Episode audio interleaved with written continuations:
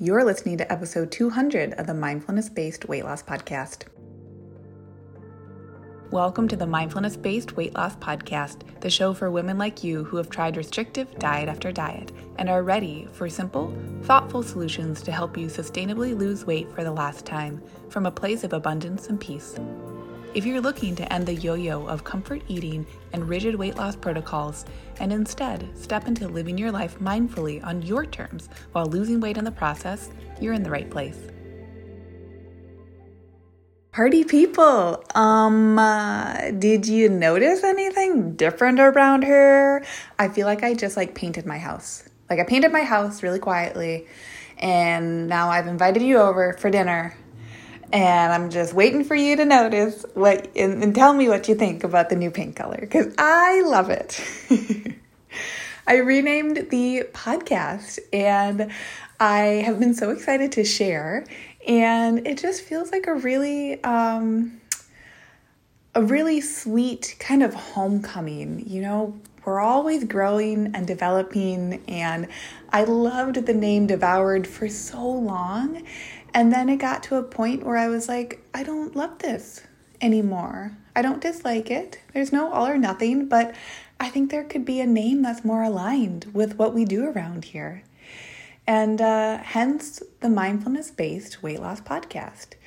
If you're one of my lean and liberated clients, you know that's exactly what we do. Lean and Liberated is a self awareness program. It's a program that helps you tune into your mindfulness around the foods that you choose, around the habits that you have, past, present, and future. It gets to be so ridiculously simple. So, for episode 200, I thought, what better way than to recap the process for losing weight with love. And listen, plug and play weight loss with whatever goals you have. How we do one thing is how we do a whole lot of other things. How you eat, and this is a quote from Geneen Roth how you eat is how you live. And I so believe that, even on like the differences day to day, you know? So I'm excited to jump into today's subject, and I wanted to tell you the six step process that we do in Lean and Liberated. As you know, I even chatted about this last week with my client Angela, who was mentioning, she was like, I really value transparency. and I was like, oh, me too. I love transparency. With every post I write, whether it is a tweet that I'm taking a screenshot of and then putting on Instagram, or a longer format post on Facebook, or a really quick and snappy TikTok video, I'm always trying to be very transparent about how simple it is to lose weight. And I don't want you to mix up simpleness with easy because those are both different. They do coexist. There can be simple and easy processes, but the way we make something easy is that we practice it simply. That makes a lot of sense, right? Think about how you learned to brush your teeth, or how you learned to do math, or how you learned to ride a bike. You likely did not learn to ride a bike the day that you were doing a triathlon. that could be simple, but it's hard, you know? Really, when you start off learning a new skill and a habit, which is all that weight loss and weight maintenance is, it's just a different skill than the skills you've been practicing before. All that you have to do is on ramp yourself into awareness of what it is you have been doing. So, part of that process, I just want to, I'll, I'll, read through the six steps and then I'll get into each one of them individually, okay? So here's a six step process that my clients use in Lean and Liberated. And it's what we talk about here on the podcast in all of its different iterations. There's always, gosh, like so much to say about each of the six steps. So, number one, you plan your meals with foods that serve you. Number two, you eat when you're hungry and you stop when you're satisfied. Number three, you follow through on your plan that you made in step one. Number four, you evaluate how your plan went. Number five, you feel your feelings. And number six, which is really like a recap, it, it almost isn't its own step, but we're going to add it in for clarity. You practice and create this, those first five steps, as your habit. So let me go through each one individually. Step number one you plan your meals with foods that serve you. What does it mean to have a food that serves you? Well, what I like to say and what I like to offer to people is that any food can serve you. Like, really, if we make all foods neutral, no matter their vitamin amount, their mineral amount, their protein count, their carb count, the total uh, grams of fat that's in them, all foods are neutral. And so, once you become comfortable with that truth, that foods are just foods, right? Like, their foods are objective. What makes them subjective is how we are in relationship to certain foods. So, when you first come into the space of planning your meals with foods that serve you, it's very common that the phrase foods that serve me will bring up a lot of emotions. Those emotions are most often rooted in the thoughts and beliefs that you have about yourself.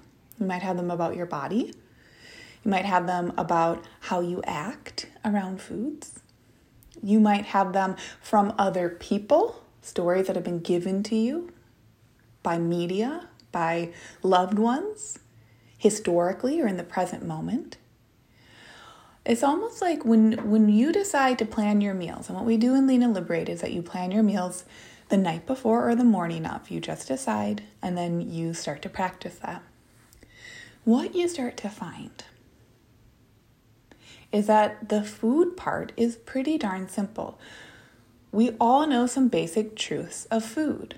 For the most part, in general, eating a variety of foods from unprocessed to processed is a pretty great way to do things. But the specificity of how to do that becomes highly individual. Well, that's why, and you've heard me talk about core values on the podcast.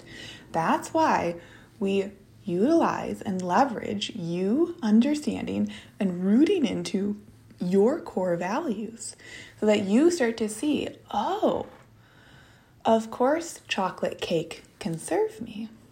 Of course, kale can serve me.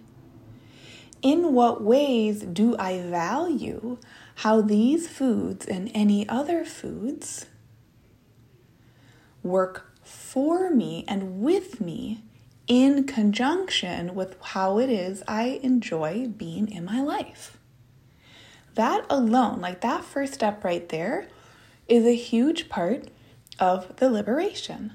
You're making intentional choices, right? And it's intentional because you're taking the time ahead of eating to just sit and think well, what would I eat on a day that I'm deciding to do intentionally. That will always, if nothing else, making an intentional choice for yourself will always turn the volume down on diet culture because what is diet culture? Diet culture are the thoughts and opinions of other people. So, utilizing your lived experience by just deciding, okay, diet culture says I don't know how to feed myself. I get to turn that on its head and say, what is it that I do know today? I get to eat well today. How do I define well for myself? That is the very first process that we root into. Okay? Number two, you eat when you're hungry and you stop when you're satisfied. Now, again, this step will bring up emotions. Sometimes people have emotions around feeling hunger.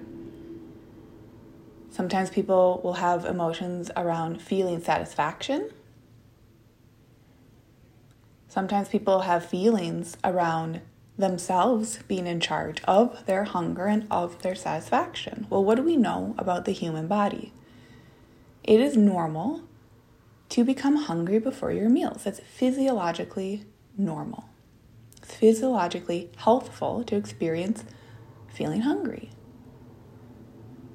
There might be a lot of thoughts and feelings that come up around that, but at the very foundation, that's true, right? Because hunger is different than starvation.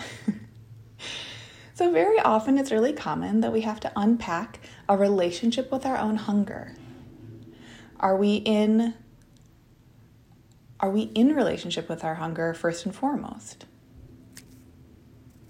What I mean by that is do you allow yourself to experience hunger? Sometimes people experience a lot of hunger throughout the day, and then they experience a lot of physiological signals that then guide them to overcompensate and eat quite a large amount of food at the end of the day.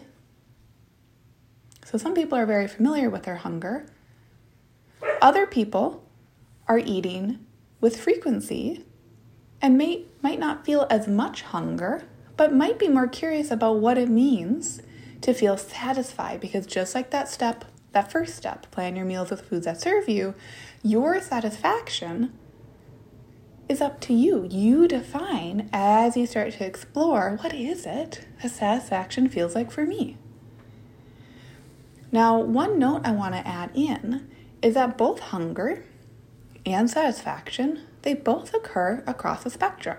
When we're in tune with foods that serve our bodies how we want them to be serving us, hunger comes on gradually. Hunger is a question, not a statement. And same with satisfaction. I almost think of like one either like bell curve or just one like numbered spectrum. We have hunger towards the left. I get more hungry as I go a longer time away from food. And on the other side, as I start to eat food, I gradually experience more satisfaction. So the beautiful part is that you're in charge of when you decide to eat, at what level of hunger feels liberating for you to choose to eat.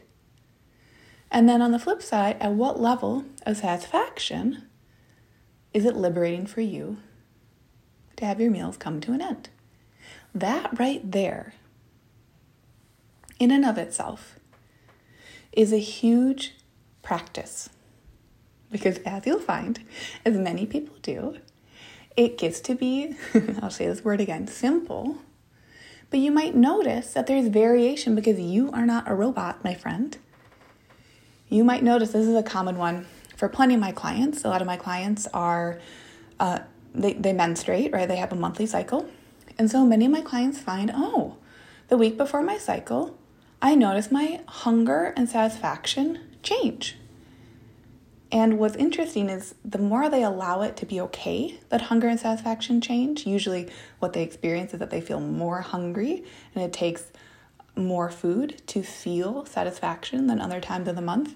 The more they normalize that for themselves, right? That their body's not sending them bad signals, is totally normal.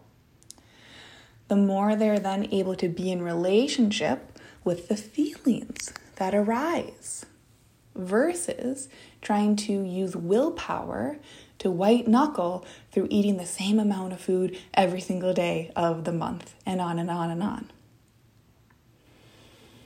So you eat when you're hungry and you stop when you're satisfied. You define your hunger and your satisfaction because you're working with your body. Number three, you follow through on your plan. This is another really key process that I find for cultivating that mindfulness with your relationship to food. Now, again, when you're following through on your plan, what this actually boils down to is you being in intention with what you say you're going to do. You use your journal to make your meal the night before or the morning of. And then because you made a choice and a plan, you then follow through on it. This is coupled with the next step of evaluating how your plan went, such a powerful combination that in essence completely dissolves any need for dieting. Because remember, dieting is taking you outside of your body and is wisdom. right? Like for some people, they find a diet plan and it helps them tune in to their bodies more. Awesome. That might not be as much of a diet for them as it is for someone else. Very frequently, I also think that a lot of diets for people aren't diets for other people. It's just an eating plan that really worked for someone else. They wanted to shout it from the rooftops, and what happened? Well, they're an individual just like everyone else, so it doesn't really apply to every single other person. So, by following through on your plan, in conjunction with the fourth step of evaluating how your plan went, you then get to edit and refine your deep knowing of yourself. Because when you follow through on your best guess, right? Like making your plan in your journal is your best guess for the day. Like, oh, this is what I want to eat. And I know why, because I'm being intentional in this moment as I'm planning it out. When you follow through on that plan, you get to have clear information that you've offered yourself instead of unclear or kind of muddied information. So, with that clear information, you're then able to leverage it. And you're able to then evaluate because you chose to stay in integrity with your word to yourself. You're able to see with clarity oh, well, I really wanted a snack yesterday, but I didn't plan one in. So I went to work of just allowing myself to have a day where I didn't have a snack because I didn't plan it in. And tomorrow, because I've done this work, I now get to offer myself the chance to have a snack and follow through on that. And in this daily journal, there's also a weekly week in review page. And it's at that week in review that you really get to give yourself time. Time to sit back and think, all right, now that I have in clarity chosen in this example to have a snack on days and to have a snack and to not have a snack on other days, but I stuck with my plan for those days. Now I have even more information versus I've got to have a snack, it's not on my plan, and having the snack anyway. Now, listen, this is only an example. It literally doesn't even have to be a snack. Again, snacks, just like meals, it's all neutral. Hear me roar with that. The foods themselves, what you choose, is all neutral. You likely will experience different experiences, reactions to different foods, to different meal times, to different beverages, right? But the way that you utilize that information gets to be the way that you want to feel at the end of your goal weight. And this is something I repeat to my clients a lot. I know I repeat it on this podcast a lot, but it's because it's such valuable information. If how you do one thing is how you do pretty much everything, then how you lose weight is how you will maintain that weight loss. So it's almost like I think very often when people are dieting, which means that they're doing a kind of a crash, often very low calorie, without awareness, low calorie diet that they have to push through, white knuckle through. What they're teaching themselves is just push through to get to the other side. But they're never really practicing what's on that other side. And that, in and of itself, reinforces, in essence, like a yo yoing of weight, a yo yoing of experience. So, to put the batteries in the other way would be to say, oh, if I want to be able to eat the foods I love and maintain weight, if I want to be able to make choices that build me up instead of tear me down and maintain my weight, I actually have to practice that part first before the weight loss comes.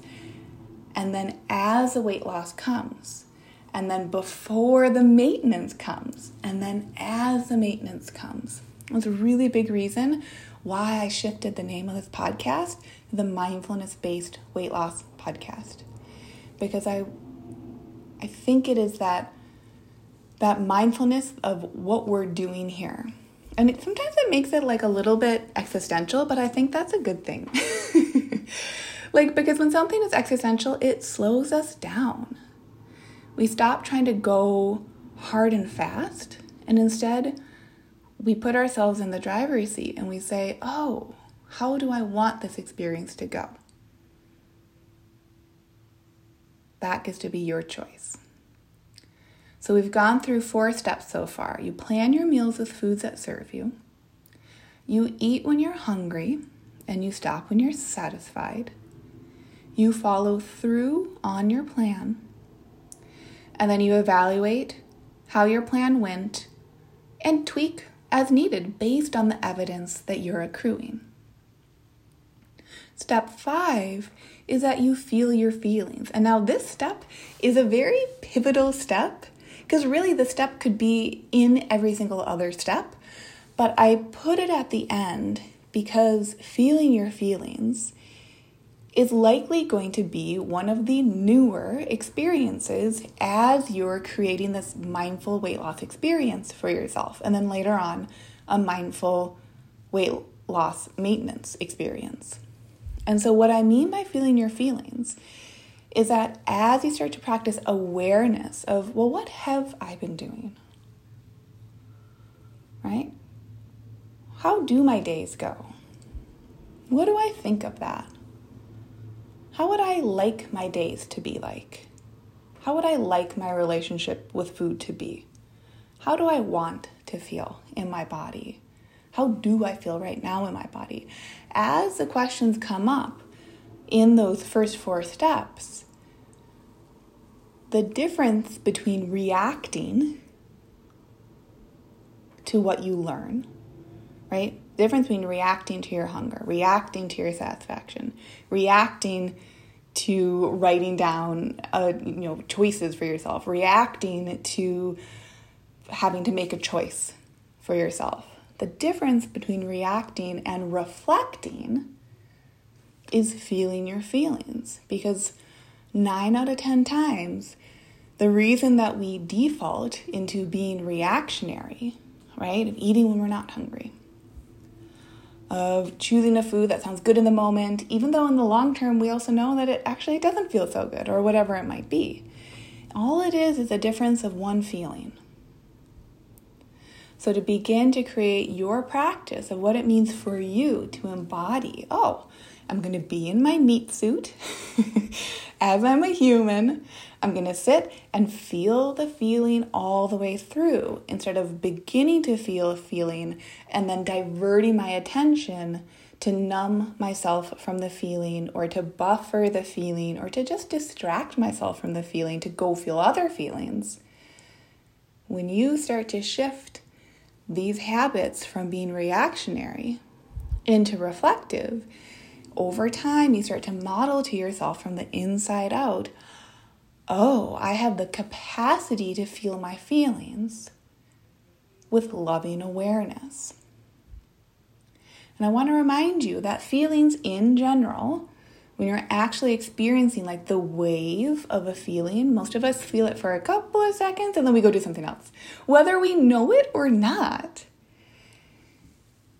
But the feeling itself, if we were to actually just hold through the entirety of the feeling, the highs of it, the lows of it, whatever we think it might be or know it is, that feeling, for the most part, is just about a two minute ride.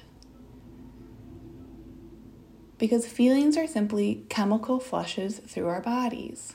Our bodies are not going to put that chemical flush through and through and through and through and through and through and through and through and through. It's going to stop at some point. It might not feel like it will ever stop, but I would bet that that's because you aren't fully feeling the feeling. And so that brings me to the next point, not the next step, but my next point about feeling your feelings, which is that it is a practice of safety. So we don't want you to feel your feelings if they feel like they're going to be overwhelming to you. Now, that's a feeling, but hang tight with me.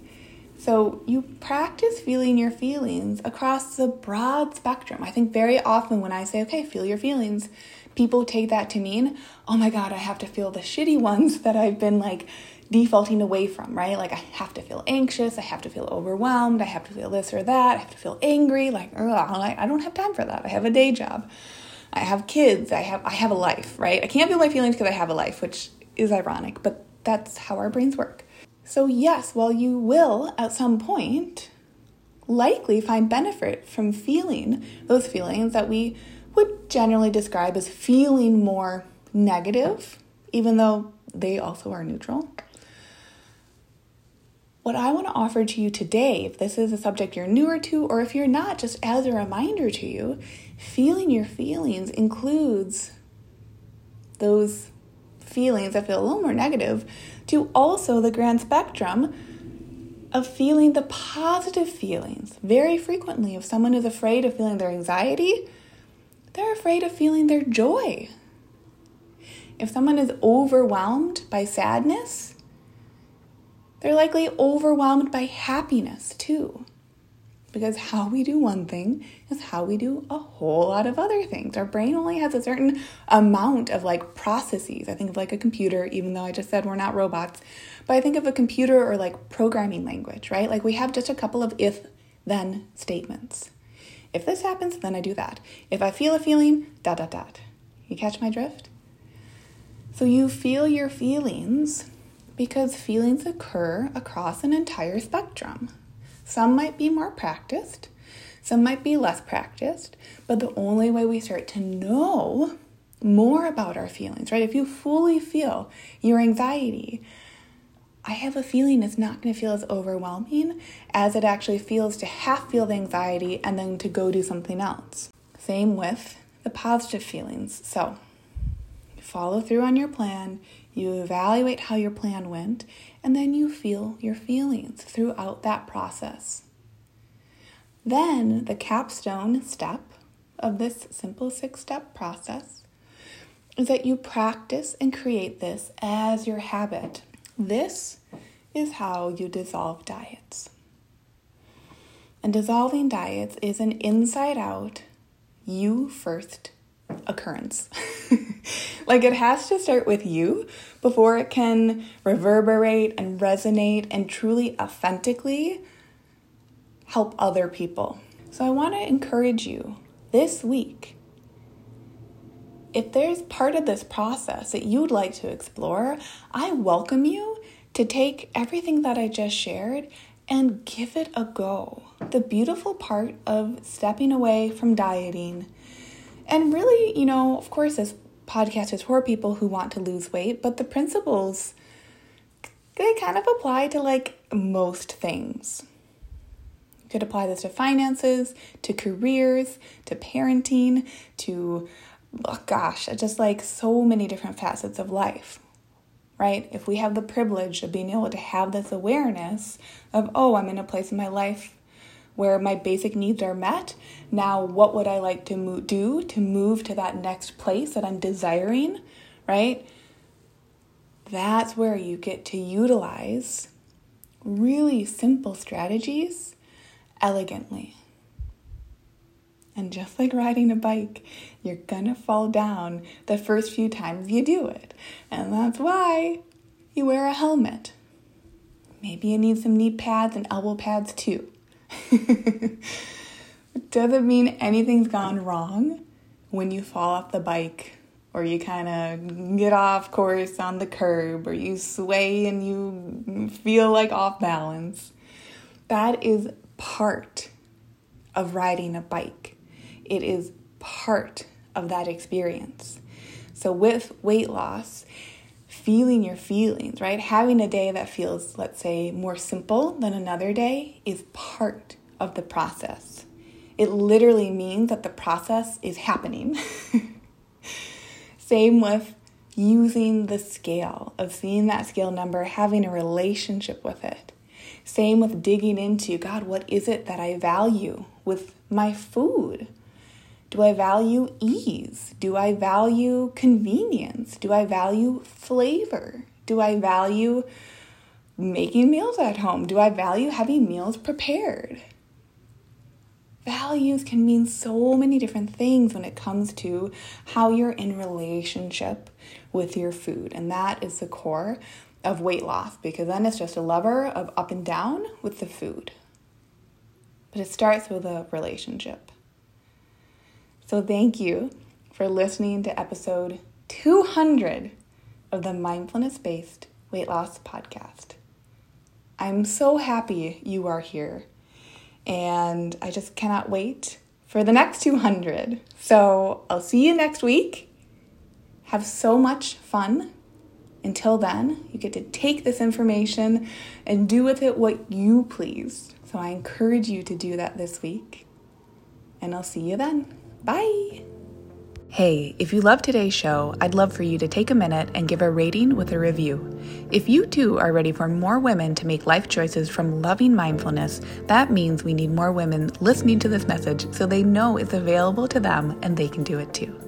And if you're ready yourself, come join Lean and Liberated, where we'll work together and you'll learn how to take this process to the next level in your weight loss goals, life desires, and beyond go to luciahawley.com. That's L U C I A H A W L E Y.com to connect.